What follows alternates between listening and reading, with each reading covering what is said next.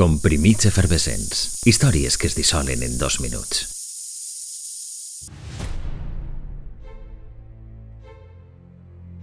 Des d'aleshores, aquells dos quilòmetres quadrats no han deixat de ser notícia.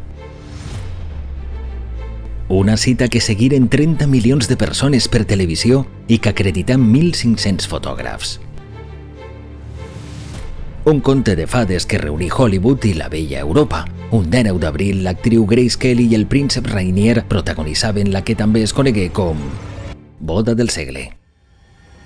Un mantra que va repetir fins l'extenuació la premsa que s'encarregà de cobrir l'esdeveniment. Un enllaç de llegenda que també guardava la seva lletra menuda.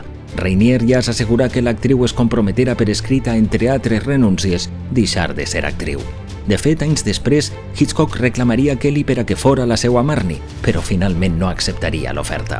Una exigència que, a pesar de tot, no convencé les ràncies corones del continent per acudir a la cita, incapaces de contemplar l'entronització d'una plebea. D'altra banda, pel que sembla, tampoc ningú les troba a faltar. En el seu lloc, els bancs de la Catedral de Mònaco foren ocupats pel boi millor de Hollywood. A partir d'aquell moment, la nova princesa Gràcia de Mònaco seria el catalitzador de l'assombrosa transformació econòmica del Principat. Diuen alguns estudis que és el territori del món amb major quantitat de milionaris per metre quadrat. Avui fa 61 anys de la boda del príncep i l'actriu, el 19 d'abril de 1956.